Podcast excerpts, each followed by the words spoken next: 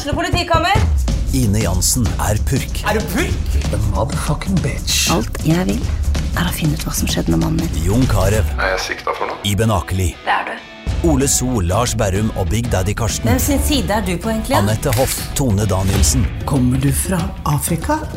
Jørnis Josef, Nesten. Kløfta. Trond Espen Seim, Det er synd å si det, men det var feil mann som døde. Purk. Premiere tirsdag på TV2 Play. Ungsamtalen fra DNB er økonomisk veiledning tilpasset deg som er ung. Bokk en ungsamtale på dnb.no. slash ung. Det er kjempebra hvis du skal inn på boligmarkedet, hvis det er drømmen din, liksom. Det er det du skulle sagt. Og så kunne du ropt litt mer, da, sånn som jeg gjorde. Bam! Åh,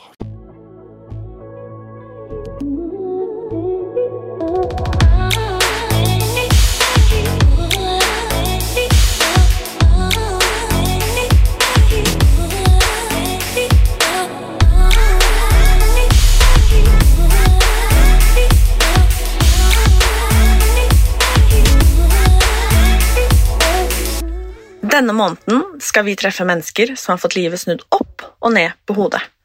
Enten av fysisk eller psykisk sykdom, eller noe som har rammet dem, eller som de har blitt utsatt for. Og I dag skal du få treffe Lotte, hun som lever med ekstreme smerter, og som på det verste gjør at hun blir sengeliggende i to uker. Hver måned. For Lotte, hun har endometriose. Og det er det en av ti av oss som har, inkludert meg selv. Og hver og en sin historie er forskjellige.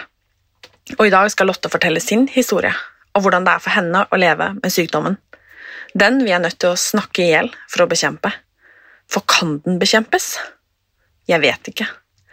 Men det føles litt ut som at vi må det. Vi må i hvert fall finne på noe. I hvert fall bli tatt på alvor.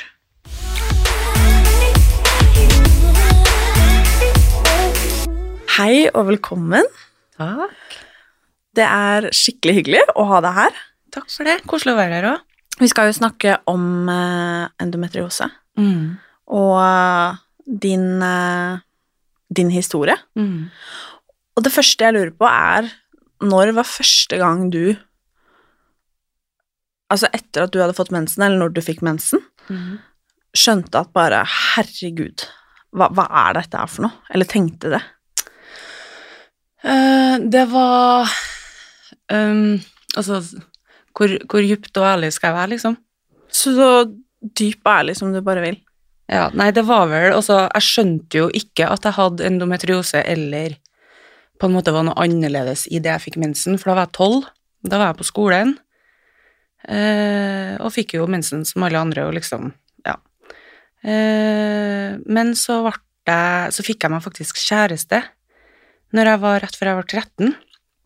Eh, og det var liksom første kjærligheten min, og sånn på ekte, da. Og det var jo da jeg mista jomfrudommen eh, når jeg var litt over 13, og så hadde vi sex. Og så var jeg Altså, jeg fikk så vondt eh, som jeg aldri har hatt i hele mitt liv. Altså etterpå. Selve akten, skulle jeg si, det var jo helt vanlig, men etterpå. Eh, og da tenkte jeg hva, hva er det som har skjedd nå, liksom? Nå Jeg var jo innom alt. Dør jeg, og så har det sprukket noe inni meg? Eh, men man er jo så uviten, sant? Men eh, da hadde, jeg, da hadde jeg full panikk, og så skulle jeg på en måte ikke vise det til han heller, sånn at jeg måtte knipe sammen og gå på do, og jeg har jo, det er jo et helt annet tema, men jeg har jo ikke noe familie eller noen jeg kunne støtte meg på, så jeg satt jo liksom alene inne på den doen der, og la meg ned da, og måtte til slutt ringe ambulansen. For at jeg besvimte, jeg fikk ikke pust, og jeg skjønte ingenting, og det var jo, jeg var jo ganske ny på det å ha fått mensen og, og, og liksom gå inn og bli kvinne, da, kan du si, så jeg visste jo ingenting om noe. Um, men da sa de liksom at de ville komme og hente meg, så da fikk jeg panikk. For det ville jeg ikke, jeg ville bare liksom spørre dør jeg nå, eller hva gjør jeg? Uh, så da måtte jeg bare legge på til slutt, da. Men uh, det var første gangen jeg på en måte fikk klaska i trynet hva, hva det faktisk går ut på, de smertene. Visste du hva endometriose var? Nei, Nei. overhodet ikke. Det Jeg var jo tolv når jeg fikk mensen, og 18 når jeg fikk det påvist. Ja. Så jeg har gått i alle de årene uten å visst noe, eller jeg har aldri hørt om det, og når jeg fikk det påvist òg, så, så skjønte ikke jeg hva det var for noe. Legen som jeg hadde da, da, var jo absolutt ikke så flink på å liksom opplyse meg, men kanskje han ikke visste noe sjøl heller, da. Så det tok mange år før jeg forsto hva det betydde, og ja, for det at når jeg fikk det påvist, så var det jo fortsatt veldig, veldig ukjent. Eh, og ingen som helt visste hva, hva det gikk ut på, egentlig, da, annet enn at det danna seg arrvev, og ja, at det la seg i underlivet, da, men det var det jeg fikk vite da, først da jeg var 18. Mm. Når var det du skjønte at eh, det var noe som ikke var som det på en måte skulle, da? At det, dette var ikke normalt? Det var ganske tidlig. Eh, blant annet etter den første opplevelsen der, da. Eh, for den kom jo flere ganger, uavhengig om jeg hadde sex eller ikke, på en måte. Eh, så det, det kunne komme på skolen, på vei til skolen. Så jeg liksom skjønte jo inni meg at her er det noe galt. Men jeg hadde jo ikke liksom utvikla meg nok mentalt til å forstå at liksom det er ikke meg det er noe galt med. For det var jo det jeg gikk og trodde hele tida, at hvorfor er det ingen andre som har det sånn her, hvorfor hører jeg ingen eh, snakke om det, eller eh, For alle har jo mensen, på en måte, men mm. ikke på det nivået jeg opplevde, da. Så jeg forsto ganske tidlig at jeg var annerledes, da, og at noe var galt, da. Men så er det jo liksom Man roper jo ikke høyt om det heller. At hei, det, det og det skjer med meg, så kan noen hjelpe meg. Jeg gjorde i hvert fall ikke det. Så ja. Når fikk du på en måte hjelp, da? Eller tok du hjelp? Nei, jeg var jo Det ble jo liksom bare verre og verre og verre eh, opp gjennom årene. Eh, og så gikk det jo liksom utover arbeidskapasiteten min og det å fungere i hverdagen. Eh, og jeg har alltid vært veldig sånn ja, knallhard, da, kan du si. Eh, jeg har ikke vært den som har ropt og bedt om hjelp, eller jeg bare kneppet sammen tennene og lata som ingenting. Eh, og det gjorde jeg jo angående det her, da. Eh, men til slutt så måtte jeg bare si fra til legen at eh, det er noe galt med meg, har jeg kreft, eller hva er det, liksom? Og da, etter ei god stund, da, så fikk jeg Eh, den operasjonen, da. Der eh, de Jeg skjønte jo ikke så mye da heller når jeg våkna, og beskjedene jeg fikk, var liksom veldig sånn diffus, da. Eh, men Hvor gammel var du da? 18. Ja. Og da fikk jeg jo påvist etter den første operasjonen, og da Altså, jeg, jeg forsto det som sagt ikke, men jeg, jeg fikk i hvert fall svar på at det er noe med deg som gjør at du på en måte, som er grunnen til smertene dine, som heter endometriose. Så det var liksom det, det jeg visste, og da fikk jeg jo Altså, hjelp fikk jeg jo ikke, fordi de bare De åpna jo meg bare og fikk det påvist. Mm. Eh, og fikk eh, noe smertestillende av noe slag, og så var det bare på en måte å bite sammen tennene og leve videre, da. Eh, så jeg måtte bare gjøre det, da. Mm. Vi har jo siden da snakka mye om eh, endometriose, og mer og mer, mm. heldigvis. Men jeg føler jo fortsatt, og det er derfor jeg liksom åh, Når du forteller det du gjør òg, um, som er en del år eldre enn meg igjen, uh, at ok, man får diagnosen, og så hva da? Nettopp. Fordi eh, Ja, ok, liksom. Du har mm. endometriose. Det, det kan nok på mange måter, og er på mange måter på en måte en, en trøst, en mm. bekreftelse. Mm. Uh, man får svar på hvorfor ting er som det er. Mm. Men igjen, hva da? Mm, det stopper jo der. Det er jo det det Det er ikke noe behandling. Man kan proppes full av eh, hormoner, uh, prevensjon. det er blant annet jeg blitt. Og det har jo andre konsekvenser igjen. Veldig mange andre konsekvenser, mm. som er ganske heftig. Og, men vi har, vi har, jo ikke noe medisin, vi har jo ikke noe behandling. Nei, vi har jo ikke noe valg. Nei. Så det er jo, og det er kanskje de henvendelsene jeg får flest av fra veldig, veldig unge jenter. At liksom Ja, takk, Lotte, for at du står frem, og, og jeg, jeg, er som deg, og du er som meg. Men vær så snill, bare kan du svare meg, du som er mye eldre, og sånn, kan du svare meg på hva jeg kan gjøre med det? Men så er det sånn men jeg, Kjære lille jenta mi, jeg har ikke noe svar. Mm. For det er ikke noe svar. Nei, men hva mener du med det? Det må jo være når vi bor i Norge, og så videre og så videre. Men det er jo det som er så fortvilende, at det, liksom, det er ikke noe behandling for det. Nei. Så mm, det er jo Det er jo der det på en måte stopper, da. Når du var mellom eh, da 12 og 18, Mm. før du fikk diagnosen, hvordan var livet da? Og hvordan på en måte hadde du det? Hvordan var endometriosen da? Den var jo veldig aggressiv, eh, og ble gradvis liksom verre og verre og verre jo eldre opp i tenårene jeg ble, men eh, det var veldig ensomt, husker jeg.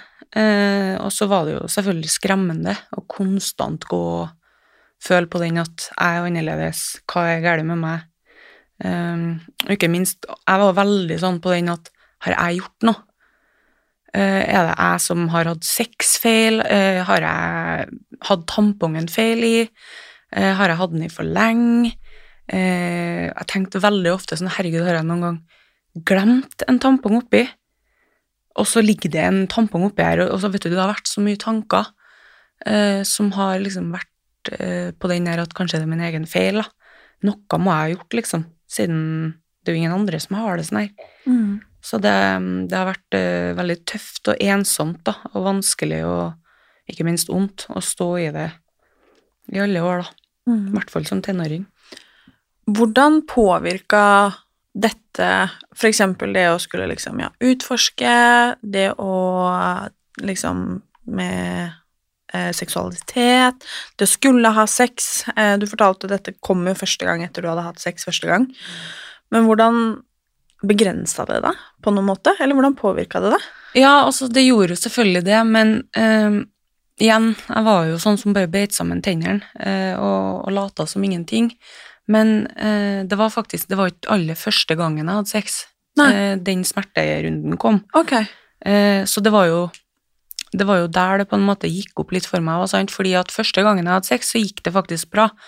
Eller sånn, det er jo vondt, og du begynner å blø litt, og alt det vanlige gangen i det, men det var ikke Altså, det her, den hendelsen her kom jo etter jeg har hadde liksom vanlig sex tidligere, da. Ja. Så det var jo den ene episoden som satt støkk i meg, men den kom jo igjen flere ganger, men selvfølgelig ikke hver gang. Men det, det kom jo også utenom, utenom sex, så jeg forsto jo ganske fort at altså, det har ikke noe med den spesifikke, liksom, den seksuelle omgangen å gjøre, i og med at det kommer utenom det òg. Men jeg var jo selvfølgelig nervøs og redd, både for å utforske og, og prøve noe nytt, og man blir jo veldig usikker på seg sjøl. Eh, det var kanskje det som var den største påvirkninga gjennom eh, ungdomsårene i forhold til det seksuelle. Nå hadde jo jeg Jeg fikk jo første kjæresten min når jeg var ja, 12, rett før 13, og vi var jo sammen i tre år. Eh, før jeg fikk en ny kjæreste, da, ganske sånn kjapt, og vi var sammen i fem år. Ja. Så jeg var veldig sånn heldig i forhold til eh, partnerne mine, for de var veldig snille og forståelsesfulle og, og sånn, og så eh, varte jo forholdene lenge, så jeg, jeg, jeg følte jo at jeg var trygg på, på de personene, selvfølgelig, men det er jo ikke det er jo ikke alle som har det sånn heller. Det er jo mange, og spesielt nå har det jo blitt veldig normalt å kanskje ha flere seksualpartnere og utforske, og, og det er jo fint, det, men det må jo være fryktelig tøft hvis du har endometriose, da, Mm. og er ung og har så mye usikkerheter, da. Så Husker du hvordan du fortalte til disse to kjærestene dine, da, eh, både den første og den andre, at dette var et problem? jeg sa aldri at det var et problem. Jeg sa bare liksom nå må du ta litt mer med ro, eller nei, den stillinga liker ikke jeg, eller den får ikke jeg til, eller Men jeg hadde jo ikke noe svar eller forklaring i den forstand, sjøl heller. Men de var liksom bare sånn, ja, de tok det for, ved godt mot. Det jeg sa, liksom, det var bare helt ok. Jeg trengte ikke å forklare det noe videre, da. Ok, Og det er jo det jeg mener med at de var liksom var, Det var betryggende.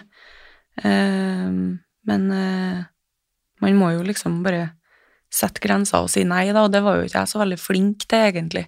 Fordi jeg bare beit sammen tennene og lata som ingenting, som sagt. Men eh, ja, nei, du er jo avhengig av å få forståelse da, fra den andre parten, og det er det jo ikke alltid man får, da, hvis man ikke har en forklaring. Hvor dårlig kunne du være? Åh, det var så dårlig. Herregud. Um, det var jo flere ganger Altså, jeg måtte jo ofte skulke fra skolen. Uh, der alle andre trodde jeg var bare liksom den pøbel, pøbellotte som var sånn oppstandelse og skulka. Men jeg elska jo skolen. Det var jo liksom trygghetsplassen min, og jeg var så sosial og hadde masse venner. og det var, Jeg elska virkelig å være på skolen, hele barneskolen og ungdomsskolen og, og videregående og alt. Og, og måtte skulke, da, rett og slett. Jeg gjorde jo det noen gang med venninnene òg, selvfølgelig, men når jeg for alene, da, da var det på en måte Jeg gikk huka ut til slutt, når jeg liksom kunne Når ingen så meg, da. Så bare knakk jeg sammen og gikk hulka. Noen ganger krøyp jeg ut fra skolegården og inn i skogen og bare lå der og lata som liksom Håpa ingen skulle se meg, og lå og bare måtte konsentrere meg om å puste og Nei, det var ordentlig, ordentlig ille, altså. Det var Det var fælt. Når du hadde denne operasjonen når du var 18 år, Mm. hvordan eh, Eller hva gjorde den for deg? Eh, den gjorde ikke så veldig mye mer enn at det ble litt bedre eh, i en liten periode etterpå. Um, og så var det på'n igjen, da. Og så prøvde jeg jo flere ganger, for jeg fikk jo beskjed rett etter operasjonen, men da var jeg jo groggy, og, så jeg huska jo ikke helt hva de sa, og, og hva resultatet ble. Så jeg ringte tilbake flere ganger i etterkant, husker jeg, og spurte liksom eh, hva er det her, og hva gjorde dere med meg, og, og så videre, da. Um, og da fikk jeg beskjed om det, at, eh, og det festa seg, husker jeg, at de sa at liksom, nei, vet du, det er ikke noe vi kan gjøre, så du kommer til å være en av dem som alltid må komme inn og operere på nytt og på nytt og på nytt gjennom hele livet for å få bukt med det her, da. For vi får ikke, vi får ikke det til å forsvinne, men vi kan liksom holde det ved like, da, kan du si. Og så begynte jeg jo òg på For det er jo vev, da, det er snakk Ja. om, som vokser utenfor livmoren. mm, Men så har jeg lært at det kan faktisk vokse andre steder på kroppen Det kan også. vokse andre steder, og det kan Mm. også sette seg i arr. Jeg har jo venninne som har endometriose i selve arrene sine Oi. fra keisersnitt, og, og, så det er liksom Det Ja. er ganske mye mer omfattende enn hva i hvert fall jeg trodde til å Mhm. begynne med. Så Nei, det er heftig, heftig opplegg, altså. Mm. Mm. Så da sa de det at de kunne holde det i sjakk, Mm. men at dette var på en måte bare noe du måtte finne deg i. Ja, også det som, det som var til å begynne med altså jeg, det, Som sagt, oppveksten min er en helt annen historie, men jeg bodde jo på barnehjem. Så de Og i og med at jeg fikk kjæreste ganske tidlig, så tok ikke de noen sjanser, så de satte meg på prevensjon ganske tidlig. Og det var jo tilfeldig, det hadde jo ikke noe med endometriosen eller smerter eller noe å gjøre, fordi de var bare redd for at jeg skulle bli gravid, sant, så de satte meg på p-sprøyta, eh, og den skulle jo liksom hjelpe, da. Men den, den fjerna mensen min, eh, og ga meg beskyttelse, åpenbart, men den fjerna ikke smertene. For det husker jeg legen min når jeg fikk det påvist som 18, liksom. Eh, ble så overraska over at du har jo gått på p-sprøyta i alle år, hvordan i all verdens dager har ikke du liksom unngått smertene? Men jeg hadde jo ikke det. Så p-sprøyta var jeg jo hadde jeg allerede prøvd, du skal jo ikke gå så veldig lenge på det heller. Men det gjorde jo. Jeg gikk jo på det fra jeg var 12-13 til 18. Så, og da, når jeg var 18, så prøvde jeg jo alt mulig annet. Av hormonbehandlinger og p-piller og stav og spiral. Altså, jeg har vært innom absolutt alt du kan tenke deg. Samme her. Men jeg tåler jo ingenting heller, vet du. At Ikke jeg har- heller. Du gjør ikke det, nei? Nei. Nei. Så det, det er ordentlig, ordentlig tungvint, rett og slett. Mm. Når ingenting fungerer. Jeg lurer litt på hvordan på en måte historien fortsetter Mm. fra der, for det er jo ganske mange år siden. Mm. Eh, nå er du 35, Mm. Mhm. og det har jo skjedd mye Mm. siden du var 18. Mm. Hvordan var det, og har det vært, å på en måte bare måtte innfinne seg at ok, sånn her er det bare? Nei, det har jo Det er jo Altså, det er jo Det har vært eh, både og, egentlig. Det har vært bittert og surt og irriterende og skremmende, men samtidig, på den andre sida, så har det egentlig vært litt eh, Litt ikke godt, men jeg har på en måte senka skuldrene litt, da. Etter jeg kjenner at jeg liksom må bare innfinne meg med at sånn er det. Eh, fordi man har jo hele tida den higen etter å prøve å gjøre noe sjøl for å, å, å gjøre det bedre og komme seg ut av det. Men eh, etter jeg liksom innså det, at det er ikke noe jeg får gjort, så, så har det vært litt godt òg, på en måte at ok, greit, sånn er det, jeg må lære meg å leve med det, og jeg er så takknemlig for Erik, mannen min, som er så opplyst og flink og forståelsesfull som han er, da. Eh, og så har det gjort saken mye enklere for meg, da. Han, rett og slett. Eh, for han tar, han tar, så mye byrde for meg eh, på det her, så det har vært mye enklere for meg, tror jeg, å bare innfinne meg med å stå i det. Mm. Eh, men det er vanskelig. Kjempevanskelig. Hvordan har det påvirka livet ditt? Det har jo eh, stoppa opp livet mitt, på en måte. Eh, for at jeg har jo Altså, årene gikk jo, og så fikk jeg jo eh, Jeg har jo alltid vært i, i faste forhold, skal du si, og på grunn av alle hormonbehandlingene mine, så har jeg jo alltid vært beskytta. Um, og så møtte jeg Erik, da, mannen min, det er ti år siden nå. Um, og så var vi veldig sånn Skal vi ha barn? Skal vi ikke ha barn? Eh, og så har vi egentlig vært litt sånn Nei, vi venter. Vi har ikke vært klar for det, noen av oss, da. Eh, uavhengig av endometriosen. Men så sa legen til meg at liksom, kanskje, kanskje vi skal ta en sjekk hvordan det ligger an nå, osv. i forhold til hvis dere vil få barn. Ja, det gjør vi. Og så gjorde vi det, og så fikk jeg beskjed om at her er alt som det skal, i den forstand. Og så har jeg jo blodsyster og syster her og der og som ligger og sperrer for i eh, egg, eggleder og liksom ja, alt sånn. Men sånn, alt i alt så er det bra, og livmora di er fin og, og sånn. Um, men vi var mer på den at eh, vi er liksom så glad i livet og det vi har sammen, at vi vil ikke ha barn nå. Og så bare ble liksom smertene verre og verre med årene, og så måtte jeg nå inn igjen da, og operere. Og da var jeg inne i 2018 og opererte ut alt da igjen, og da hadde faktisk For altså, hver runde med smerter er jo på en måte De er samme, men det er forskjellige grader. Uh, men en av de rundene her, så har faktisk livmora mi snudd seg. Så livmora mi var bakvendt, på en måte, når de var inne og opererte meg. Og det er ikke noe farlig, det, altså, det er bare veldig smertefullt. Uh, men det visste jeg jo ikke. Men det er jo sånn som Det har ikke jeg lagt merke til, for for meg er smerter bare smerter. Så, men da tok de og opererte ut noen syster og sånn òg som lå i veien, og så har jeg i ettertid funnet en syste som ligger og sperrer for eh, ja, en eller annen plass inni her, i hvert fall der sæden skal inn, da, for å få barn. Og den har vi på en måte bare sagt at den lar vi bare være.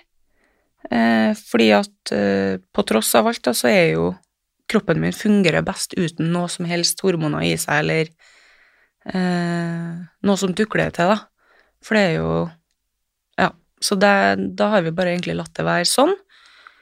Også, men fordi jeg har endometriose òg, så står vi på en måte først i, i køa til å få hjelp, da, hvis vi vil ha barna. For altså, alderen begynner jo å eh, vise seg, skal du si. Så um, hvis vi vil ha barn, så får vi faktisk hjelp, da. Så sånn sett så føler jeg at vi er veldig heldige, da. Selv om jeg kan få barn sjøl, så står de klar til å hjelpe oss, bare på, på grunn av at jeg har en metrose rett og slett. Mm. Eh, og da Så det valget er jeg veldig glad for, da, og det tror jeg nok Håper jeg i hvert fall de fleste som har endometriose, har. At de får det, det tilbudet, da, for det er jo veldig mange som har det som ikke kan få barn sjøl, som ikke får det til. Så det det er jeg jo veldig takknemlig for, da. Men det er som sagt, vi, vi stresser ikke noe med det, og vi, tida vil vise. Hvordan hjelp har du fått utenom disse operasjonene? Jeg har fått eh, veldig mye tilbud om psykologhjelp. Eh, og så har jeg fått Nå faktisk, for ikke så veldig lenge siden, så var jeg ble jeg henvist til smerteklinikken. Um, og det er jo en hel prosess med masse folk som står klar til å hjelpe deg, og, og så er jeg veldig takknemlig for det, men altså, det Det bunner hele veien, så bunner det i at jeg må bare leve med det og ta medisiner når det står på som verst. Eh, og, og, sånn er det bare, på en måte, men det er jo det er jo fryktelig tungvint, at man kan jo aldri planlegge noe, sant. Det, om det er ferier, eller om det er bare det å komme hit. Eh, alt er jo en prosess. Alt må times, eh, og for det meste så kan man på en måte ikke planlegge noe som helst lell, fordi at det kjører så galt i sitt eget løp. da Det kan jo Smertene kan komme et par dager før eggløsning, og så kan de vare i ett kjør til mensen er ferdig. Og det er ganske lenge i strekk. Eh, og mye av de dagene da, så ligger jeg jo sengeliggende, rett og slett, med smertestillende, og på det verste så kaster jeg opp av smertene og ligger bare og rister tenner og besvimer, og Erik må liksom bære meg inn på do hvis jeg skal på do, og det det er ordentlig baluba når det liksom står på som verst. Og så er jeg veldig takknemlig da, de dagene jeg har det bra. Da, det er liksom sånn Da lever jeg virkelig, da. da. Så man blir jo veldig takknemlig for de gode dagene når man har så mange dårlige. Mm. Mm. Hvordan har dette påvirka f.eks. jobb og arbeidslivet? Jeg får ikke til å Jeg har jo på en måte liksom alltid vært veldig sånn Jeg skal klare å stå i jobb, jeg skal klare å liksom fungere normalt. Eh, men så var jeg jo til det samme som hun For på denne smerteklinikken så er du jo gjennom eh, fysioterapeut, eh, overleger, psykolog, ja, smerteleger og en hel gjeng da, som står klar på en måte til å evaluere deg og hjelpe deg med det du kan. Og det er jo liksom som de sier, at det beste du kan gjøre, Lotte, det er bare å på en måte senke skuldrene og innfinne deg med at du kan ikke være normal. Du får ikke til å jobbe, liksom. Du har en eh, diagnose som setter den stopperen for deg, så hvis at jeg hele tida skal drive og kjempe imot, da, for å prøve å være eh, det samfunnet forventer av meg, kan du si, så, så, vil jeg bare gjøre det mer tungvint for meg sjøl. Så jo fortere jeg bare innser Og det sa jo fastlegen min tidlig òg, at jo fortere du bare innser at sånn er livet ditt og hverdagen din, Eh, jo bedre vil du få det med deg sjøl. Og det, det, er jo sant, da. For jeg har jo fått en helt annen ro, liksom. Men eh, det er jo kjedelig å ikke kunne liksom ha muligheten til å få gå på jobb, da. Hver dag og fungere som normalt. Men eh, det, er jo, det, er jo, klart, du kan jo ikke være på jobb når du plutselig ikke klarer å stå opp en dag fordi at du har så vondt. Så det, det er jo ikke optimalt i det hele tatt. Men sånn er det. Det er ikke noe å få gjort noe med. Dessverre. Dessverre. Jeg håper at det snart endrer seg. Mm. Ja, vi håper jo på at de kanskje kan finne en kur eller løsning på det. Ja.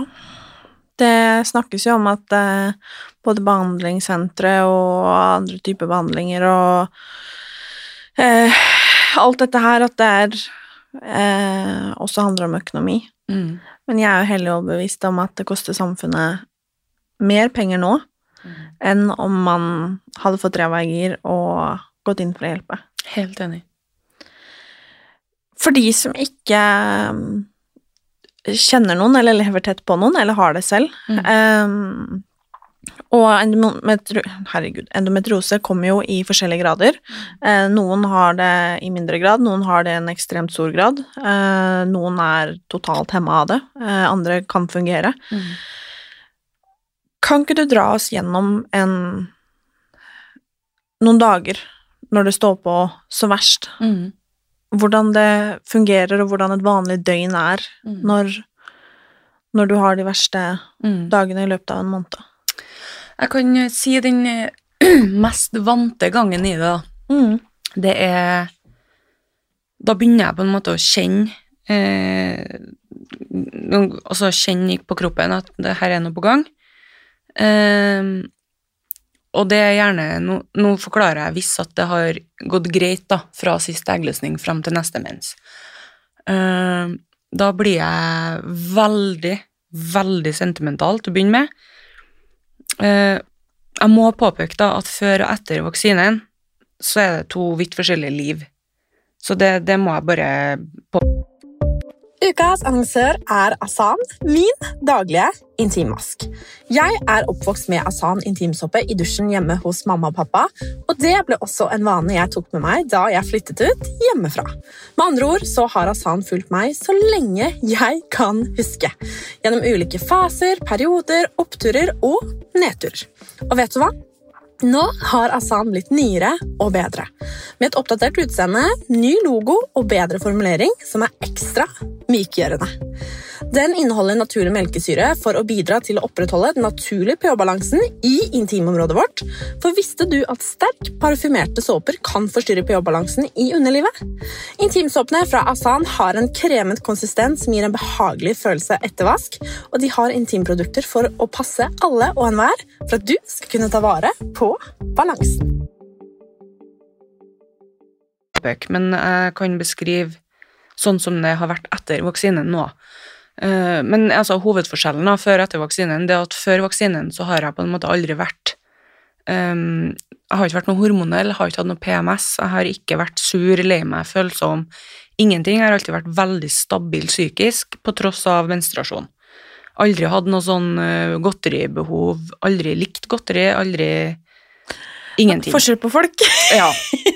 Nei, så sånn var det før vaksinen. Etter vaksinen så har det bare gått uh, stikk motsatt. Uh, så det har jo vært en prosess, det å, liksom henge knaggene på hva, hva, i alle dager er som foregår og skjer med meg, men, men uh, ja, men samme det. Så jeg blir veldig sentimental. Og så da mener jeg, hvis jeg ser ei dame som er eldre, på veien, som har ordna seg fin på håret. Og hvis jeg ser litt glad ut, så kan jeg begynne å skrike, for jeg syns det er så fint. Rørende. Um, det, jeg blir veldig sånn følsom, uh, og da er det faktisk som oftest Erik som, som tar tak i meg og sier 'jenta mi, nå, nå skal du ha mensen'. Og da er jeg like sjokkert hver gang. 'Hæ? Nei.' Liksom sånn 'Hvor, hvor har du det fra, Lotte?' Se på deg, liksom. Du, du, begynner å skrike for at du mista sjokoladen, sjokoladen, din på gulvet, liksom. Og så går det opp for meg, og så da er det som regel sånn det starter. Uh, begynner å skrike av alt. Uh, blir veldig fort irritert. Uh, og så blir jeg veldig sånn Jeg kan våkne om morgenen og bare skrike. Og så sier Erik liksom 'hva er det?' Og så bare ligger jeg og så bare 'jeg vet ikke', jeg er bare sånn nedfor. Og så flirer han litt av meg, så stryker han meg på kinnet, og så, er jeg liksom, så innser jeg på en måte ok, så jeg er helt ustabil etter jeg tok vaksinen i forhold til mensen. Men så går det over igjen etter to sekunder. Og så får jeg veldig søtsug, og da mener jeg ordentlig søtsug. Uh, jeg kan spise Jeg sitter egentlig da bokstavelig talt, og de som følger meg på Snapchat og Instagram, de, de, vet det her, for jeg er på en måte blitt kjent for hun som Ja, det er, nesten, det er ikke nesten flaut, det er flaut. Jeg sitter hele dagen og spiser godteri uh, og junk. Og da har jeg to-tre dager sånn, der smertene liksom gradvis kommer mer og mer. Og da er det hodepine og trøtt og vondt i hele kroppen og får feber og sånne ting. Og så er jeg alltid halv fem-fem om natta, så får jeg mensen. Jeg har gjort de siste seks månedene. Uh, og da våkner jeg halv fem-fem av at jeg har så vondt at jeg nesten besvimer. Og da tar jeg første jeg gjør, da, da er jeg liksom For hver kveld da, når jeg går og legger meg før det her, så går jeg og venter på at det kommer, så da legger jeg klar medisin eh, på nattbordet mitt til tilfelle jeg våkner den natta. Og den natta jeg faktisk våkner, så er det liksom første jeg gjør, å pakke i meg det. Og så må jeg som regel opp, da, fordi jeg kjenner at jeg må tisse, og da går jeg og kryper som regel inn til badet, og så tisser jeg, og så får jeg mensen, og så er det på med bind og den rytmen, og så legger jeg meg på badegulvet, og da må jeg bare ligge der eh, til medisinen begynner å funke. Det tar alt fra tre kvarter til en og en halv time. Eh, og noen ganger så er det så vondt at jeg får pusteproblemer, og noen ganger er det så vondt at jeg begynner å skrike, og da våkner jo Erik, selvfølgelig, så jeg prøver jo ikke vekke han, for at jeg Altså, jeg er jo Selv om det er fælt, så er jeg trygg i gangen i det, fordi jeg kjenner det så godt. Eh, men eh, som regel så våkner han, og så kommer han inn på badet med meg, og så bærer han meg i senga, da, og så ligger jeg der, og som regel så er det så vondt at jeg begynner å skrike, da, og det skal faktisk Det skal mye til til meg. Eh, jeg har alltid hatt veldig høy smerteterskel. Hvis jeg liksom har knekt ting i kroppen, og det har liksom Det har ikke gjort meg så mye, da, i den forstand. og sånn tatovering, tatovering på halsen det er sånn, det, jeg jeg, jeg syns ikke det er vondt for fem flate øre. Men akkurat det der, da, det, det, er så heftig at jeg Ja, det er jo som legene sier, det er jo som en fødsel. Så da ligger jeg og får så vondt at jeg begynner fysisk å skrike. Um, og da må jeg nå bare ligge der da, til, til det går over, på en måte, eller blir likere, da, til det letter. Og så får jeg meg kanskje et par timer søvn, uh, og så våkner jeg igjen, og så er det liksom Så det går veldig sånn Det går i sånn grader, veldig opp og ned. Mm. Det kommer i sånn tak, da. Uh, og sånn går det nå utover dagen, og da som regel den, det døgnet jeg får vondt, eller får mensen, så har jeg så vondt at jeg ikke får til å spise noe som helst, så da spiser jeg verken mat eller godteri eller noe, får ikke i meg noe. Ligger bare og har det fælt, og så kommer det da i sånn tak resten av dagene, og da er de tre, fire, fem første dagene som som regel er aller verst, da. Og da må jeg nå ha hjelp, da, til å gå på do, hjelp til å Jeg må ha hjelp til alt. Jeg klarer ingenting, liksom, for jeg ligger bare i fosterstilling og får ikke sove fordi jeg har så vondt, og på det verste så Jeg, jeg klarer jo ikke å ligge på telefon, klarer ikke å ligge på PC, altså jeg må bare ligge og bare være, puste meg gjennom det.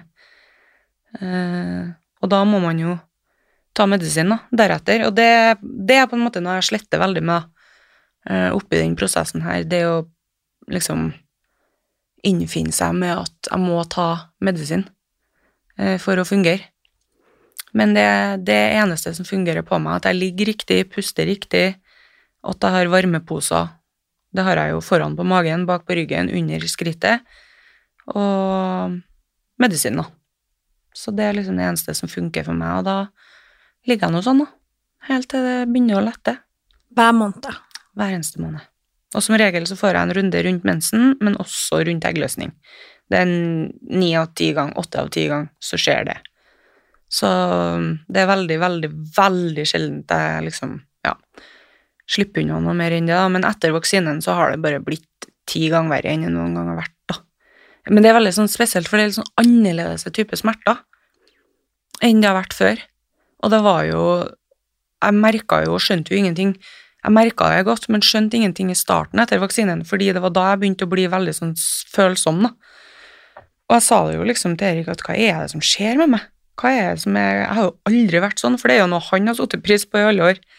At jeg har vært veldig sånn stabil rundt det med å ha mensen. For det er jo liksom en sånn greie, sant, at vi kvinnfolk blir helt ustabile, og PMS og sur og grenat og tåler ingenting. Men jeg har vært veldig, veldig stabil der, da, i alle år, så det var jo først etter vaksinen dere begynte å skje ut, da, og da forsto jeg jo ingenting til å begynne med. Men så kom det jo frem mer og mer da, i forskning og media og det som var, at det kan ha en innvirkning, og det har det absolutt hatt. Mm. Um, har du skamma deg for at dette gjelder deg? Veldig. Jeg har vært veldig, veldig skamfull. Um, både som eh, ungdom og som voksen, skal jeg si, fordi det er jo noe med den skammen når du er i tenårene. Den er jo ganske heftig i seg sjøl, fordi da er jo alt så følsomt. Ehm, og du føler deg som et sånn utskudd, da, som eh, Ja. Men i voksen alder også har det vært veldig tøft, da, fordi at jeg Jeg har jo alltid vært den Altså, nå har jo jeg en Altså, jeg har en gjeng med venner som jeg har hatt hele, hele veien. Jeg har veldig få, men veldig gode venner som jeg har tatt med meg og på en måte tatt vare på hele veien. Men så har jeg også hatt dem, den, dem i vennegjengen som liksom har vært litt sånn, ikke innpå meg, men litt lenger utapå meg, som alltid har på en måte tatt den Å, ja, nei, Lotte kommer ikke likevel. Uh, jeg har ikke noe vits i å invitere Lotte, for hun avlyser bare. Og liksom hele den mølja der, da, og det har jo Det har jo gjort noe med meg, uh, der jeg bare heller takker nei med en gang. Eh, så jeg har mine få nære venner som jeg eh, kan på en måte åpne meg fullt og helt til. Eh, som alltid viser meg forståelse, og som ikke er noe dømmende hvis jeg avlyser, fordi at jeg klarer jo ikke å kontrollere sjøl om jeg Altså, jeg vil jo komme på 30-årsdagen din neste helg, men det er jo ikke sikkert jeg får det til. Og da er det på en måte, når jeg først kommer, da, så får jeg den at hele festen bare wow! Kødder? Lotte kom, liksom. Kryss i taket. Lotte, kom du? Altså, det blir liksom så gjort så mye ut av det, skjønner du, at det blir nesten litt sånn håning. Eh, og det, det er jo skamfullt, sant, for at det er jo Du kan jo ikke kreve forståelse fra folk eh, når du nesten ikke har forståelse sjøl for hva du har. Men eh, Ja, det er jo den typiske at nei, jeg kan ikke komme for jeg har mensensmerter. Altså. altså, det er jo ingen som tar det seriøst. Så nei, til meg så er det blitt sånn at jeg, jeg sier nei, jeg. Jeg er aldri med på noe. Jeg takker nei til alt, og så er det noen nære og kjære, så vet de når de inviterer meg, at det kan hende jeg kommer, det kan hende De gjør ikke noe sak ut av det, så da blir det heller ikke noe skam rundt det min, for min del, heldigvis. Men eh, ja, det er samme som med liksom extended family, kan du si, da. Eh, der òg har det jo liksom Det har ikke alltid vært forståelse fra alle, alle kanter, liksom, på at eh, Ja, det er ikke sikkert jeg får til å komme. Samme som eksempel i konfirmasjoner til svigerfamilien min, eksempel noen på den sida. Eh, nå er jo jeg veldig åpen, men det er liksom ikke Jeg, jeg har mensensmerter, sånn at jeg får ikke til å komme likevel. Eh, så da blir det litt sånn skam rundt det, og at jeg alltid liksom må avlyse i siste liten. Eh, og så, så, blir det jo til at det blir en liten sånn flause rundt det, fordi Erik er jo han er jo veldig opptatt av å ta vare på meg, og han er veldig lojal og, og beskyttende og omsorgsfull, ikke minst.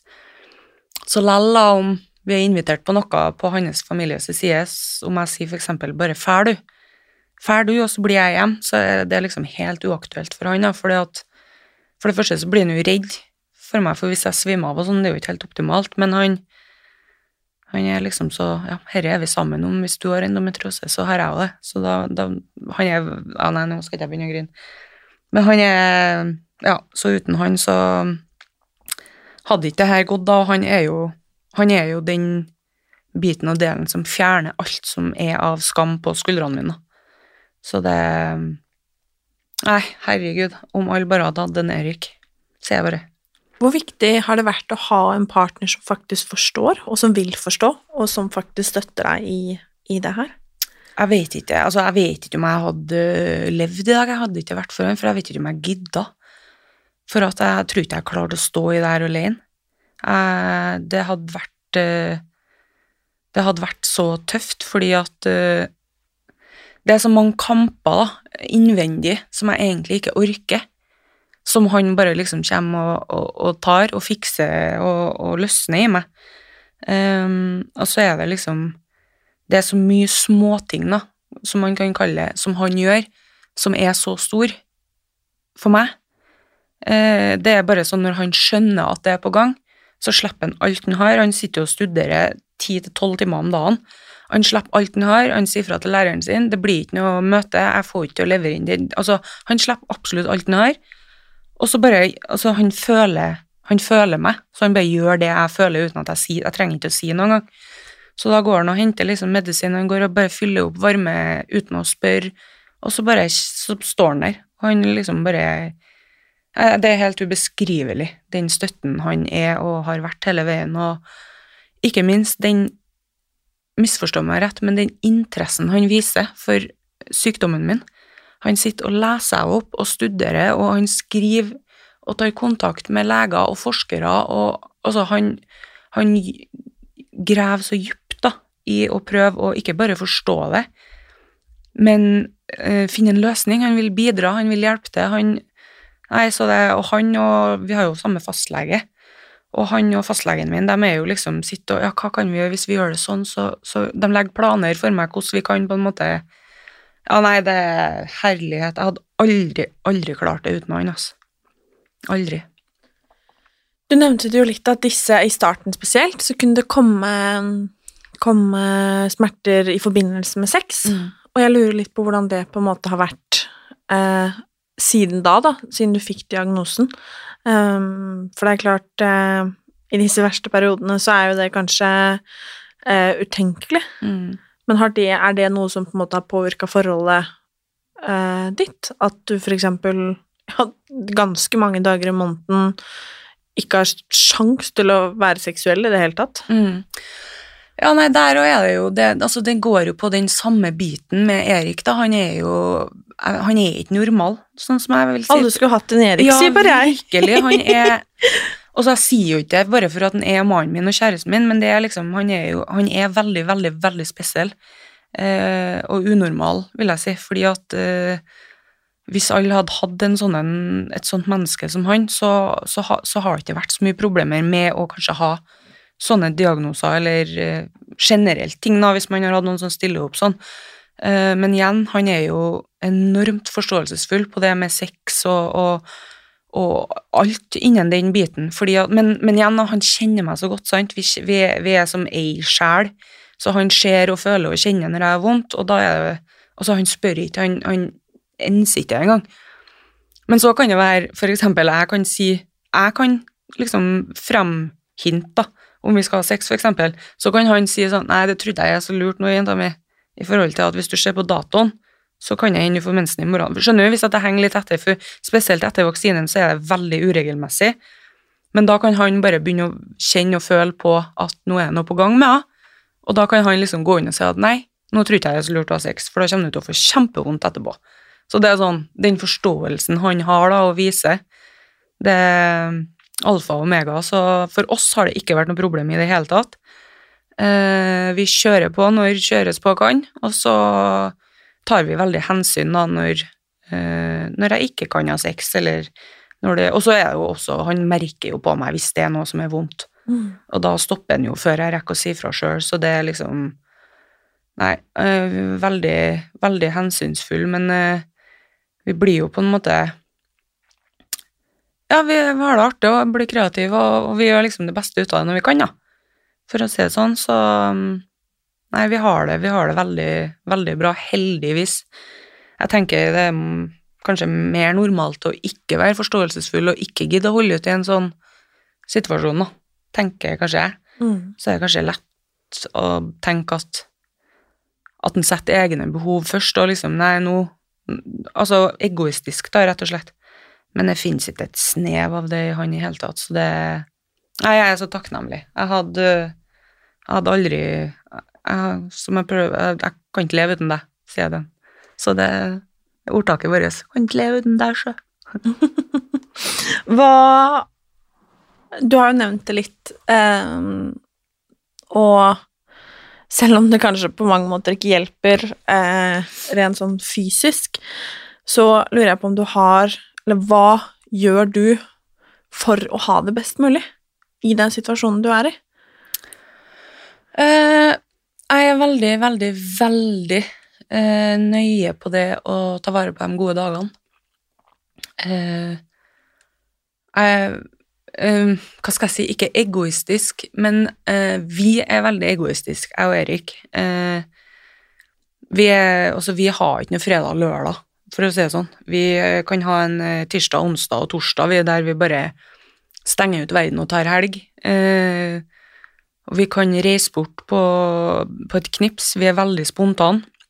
Vi lever liksom veldig etter de gode dagene, da. Eh, og vi spiser biff eh, om vi spiser biff sju ganger i uka, eh, med rødvin og luksus, og plutselig tar inn på spahotell. Altså, vi gjør akkurat det som passer oss, akkurat når vi vil. Eh, og det er jo noe vi har fått en del reaksjoner på fra folk utad og rundt oss. At eh, det er veldig mye sånn Altså, hvem tror dere dere er? Skal ikke dere leve normalt? Uh, har ikke dere et vanlig liv, dere?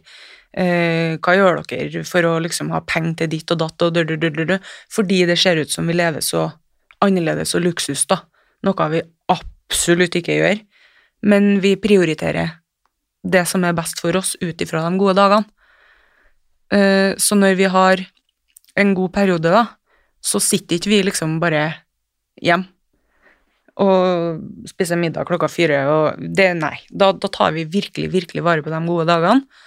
Uh, og gjør absolutt alt ut av det, og så er vi, vi er jo veldig like, da. Så det som er luksus for oss, det er på en måte å Ja, har vi en godværsdag på sommeren, så går vi barfot ut av døra om morgenen, og så kommer vi hjem på kvelden, og da har vi for å gått med ei tørr fiskekake i handa hele dagen i byen og nede på kaia og bare gått rundt og vært, Uh, vært. Og så gjør vi liksom akkurat det som passer oss, og plutselig en dag så kan vi sprette boblene klokka ti ned på kaia i byen en lørdag eller en tirsdag, eller og sitte bare og kose oss og se på fuglene. Altså, vi, vi lever, da, når vi kan fullt ut, og vi gir en lang F i omverdenen, og hva folk forventer av oss, og hva som er normen og, og, og sånne ting, det er vi veldig lite opptatt av. Og så får folk bare dømme sånn som de vil. Vi har våre grunner til hvorfor vi gjør ting, og det er da hovedsakelig endometriosen, og det, den heftelsen den er i livet mitt og vårt, da. Så um, vi har det veldig bra når vi har gode dager. Og så er jeg jo veldig nøye med at jeg passer på at han har det. Jeg er veldig omsorgsfull for han, jeg òg, da. Så når jeg har det bra, så gir jeg jo 300 tilbake til han, liksom, i forhold til hva jeg normalt kanskje burde Altså, jeg gjør alt for han. Lager alle måltid til han, og så massere altså alt du kan tenke deg. Jeg gjør absolutt liksom det meste ut av at jeg har en god dag, og da behandler jeg han som en konge, akkurat som han behandler meg som en dronning. Og det funker veldig bra for oss, og så gjør jo hele greia her Det gjør jo til at vi blir, i hvert fall jeg, da, veldig takknemlig over små ting. Um, ja, så det Det er veldig, veldig glad på tross av endometriosen, så er jeg veldig glad og lykkelig utenom, da. Har du noen gang vurdert å fjerne livmora? Ja, mange ganger. Eller jeg har ikke vurdert det mange ganger. Jeg har bestemt meg for det for lenge siden og ønska det, men jeg får ikke lov. Hvorfor? Nei, for jeg er for ung, da, som de sier, overlegene. Det, de sier at vet du, det vil ikke vi gjøre på deg fordi du er for ung, eh, du kan fortsatt få barn. Vi mener at du tar det valget her alt liksom for drastisk. En, du er i en desperat situasjon fordi du har så vondt, og det er feil grunnlag å liksom ta en så stor avgjørelse på. da. Så prøver jeg å si at det er ikke det. Fordi øh, det er jo det der med at jeg og Erik vi er jo veldig glad i det livet vi har sammen. Uh, så hvis jeg ikke har hatt endometriose og alt har vært rosenrødt, så tror jeg fortsatt vi hadde sittet der vi sitter i dag, med at mm, vi vet ikke helt om vi vil ha barn, rett og slett, fordi vi har det så bra sammen, jeg og han. Vi er så glad i det livet vi har, jeg og han. Eh, men altså, alt kan jo forandre seg, selvfølgelig, men det er jo, som jeg prøver å si til overlegene, det er jo så mange andre måter å få barn på. Altså, vi kan adoptere, altså det fins altså Hvis vi plutselig ombestemmer oss om noen år, sant Men eh, Nei, det er som de sier, at eh, beklager. Sånn som det er nå, så får du ikke ta livmora i. for det, du er altfor ung og frisk, og, og, liksom det å sette meg i kunstig overgangsalder, og de mener det ja, for drastisk og ødeleggende for livsstilen min, da, men det er jo som jeg sier, at skal jeg gå og være avhengig av å ha medisin da, resten av livet mitt frem til jeg kommer i overgangsalderen, for det er i hvert fall ikke aktuelt. Men det er jo som de sier, at det, per nå så er det det som er best, og da Jeg har jo ikke noe valg. Så jeg må nå bare stå i det og gjøre det beste ut av det. Har du noen tips til de som eh, sliter med endometriose eller eh, enhver søstersykdom som, som hører med, eh, til hvordan man kan ha det best mulig, og hva man kan gjøre, og hva man kan kreve? Uh, først og fremst så har jeg villet i hvert fall sørga for å ha en god fastlege. For det er alfa og omega. Um, og det er lov å bytte fastlege yes. mer enn én en gang? Yes, opptil flere ganger i året. Uh, og hvis du føler at du ikke blir hørt i starten av fast, av en, fra en fastlege, så vil du naturligvis sikkert nok ikke bli det etter hvert heller. Så uh, man skal være veldig sånn øh, kritisk til fastlegen sin, mener jeg. Fordi det er liksom Det er en fastlege, ja, men det er din kropp, og det er din helse, og det er du som skal leve det livet du har. Så jeg har liksom lav terskel for å skifte fastlege. Uh, for det finnes veldig mange flinke og forståelsesfulle fastleger. Så det er liksom første bud. Uh, jeg har villa vært kanskje veldig nøye med det å, rope høyt, for det er ikke alle som har liksom eh, naturlig i seg, da. Og det tror jeg det får deg ganske langt, at uh, hvis du bare liksom Hei, hør på meg og slår ned liksom Setter ned foten og slår hånda i bordet og sier at jeg kan ikke leve sånn her. Eh, nå må dere høre på meg, dere må hjelpe meg og finne ut hva som liksom funker for deg, da. Um, men sånn som for min del, jeg har jo prøvd absolutt alt, og sitter igjen med at det beste for meg er den blandinga av medisin og varmeputa og, og den runden, og så kan det være at det er noe helt annet som funker for noen andre. Men ikke vær redd for å, å spørre, ikke vær redd for å kreve, ikke minst.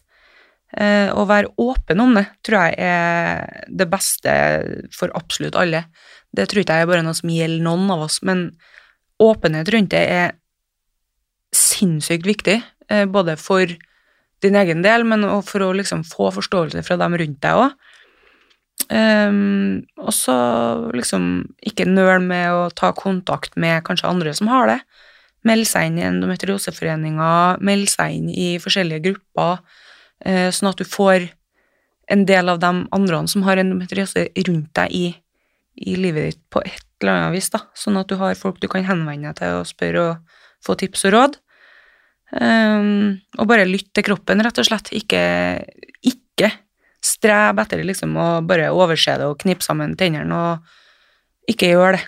Lytt til kroppen din når du liksom må bare ta deg en dag eller to der du må ligge og bare ha vondt og gjøre det beste ut av det, så gjør du det. Det tror jeg er viktig. Mm. Mm -hmm. Jeg håper så inderlig at uh, det skjer noe snart. Mm. og at Norge uh, virkelig bestemmer seg for at eh, dette skal vi ta på alvor en gang for alle. Mm. Um, for det må jo finnes en løsning her. Mm. Jeg, tror, jeg, tror, kanskje du er en del av løsninga òg, da. Bare sånn at du liksom er obse på det. For eh, det, det, vil jeg bare påpeke hvor viktig det er, den jobben du gjør, og at du Takk. ikke bare har stått frem og, og, tar den kampen, men tar inn meg eh, og snakker om det, at du på en måte konstant setter fokus på ikke bare endometriose, men det er alt du setter fokus på. Og det, sånne mennesker som deg da, er så viktig for ikke bare oss som har diagnosen og andre diagnoser, men for legene òg, som da kan hvis de søker eksempel eh, hva er det her, hva kan vi gjøre bedre for pasientene, så er det jo bare å søke opp Martine Halvorsen, skjønner du. Så, men det, jeg håper du skjønner hvor viktig det er. Tusen takk. For da, du er en del av løsninga. Takk. Bare hyggelig. Nå det jeg litt sånn varm. Nei, men det er sant. Ja, For det er jo sånne som deg som Man blir jo tryggere på situasjonen og på den tematikken og de emnene som på en måte du tar opp, da. Det setter jeg stor, stor pris på. Og jeg er veldig glad for at du hadde lyst til å komme hit og dele din historie. For er det noe jeg på en måte har erfart da, med endometriose, så er det at det er ikke noe fasitsvar. Um, og det er helt sikkert det som gjør det så vanskelig å på en måte finne en behandling også. Mm. Um, og noen kjenner seg veldig igjen i min historie, Mm. og noen kjenner seg veldig igjen i din historie. Og jeg tenker det er derfor det er så viktig at vi på en måte prater om disse forskjellige historiene også, fordi det er lett å føle seg veldig alene, og veldig usynlig, Mm. og bære på denne skammen som vi har snakka om litt nå også, Mm. um, alene. Mm. Så jeg er veldig, veldig glad for at du hadde lyst til å komme hit, og at uh, ja, jeg fikk stille deg spørsmål og lytte til din historie. Veldig glad for at jeg fikk komme. Så da sier vi bare tusen takk, Takk for i dag, og takk til alle som uh, lytta, og ha en fin dag.